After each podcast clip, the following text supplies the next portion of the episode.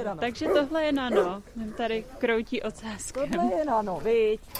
My jsme v areálu psího azylu RTV Naše láska, jejich naděje s majitelkou Hanou Dobkovou. A teď stojíme u klece pejska Nana. Můžete říct, jak se sem dostal?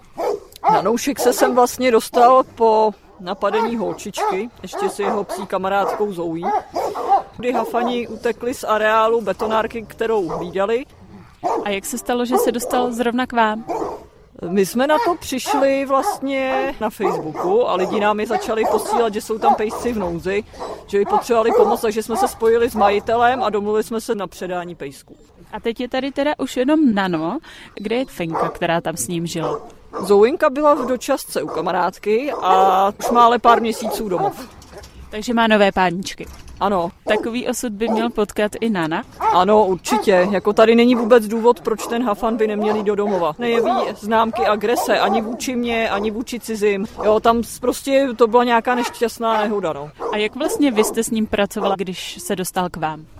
On byl ze začátku nervózní, když měl víc kontaktu a více na něj sahalo, je bylo vidět, že jako to tolik neznal. Já jsem postupně ho začínala hladit, postupně jako jsem mu ukazovala, že ten kontakt je v pořádku. Když u toho začal být moc divoký, tak jsme přestali.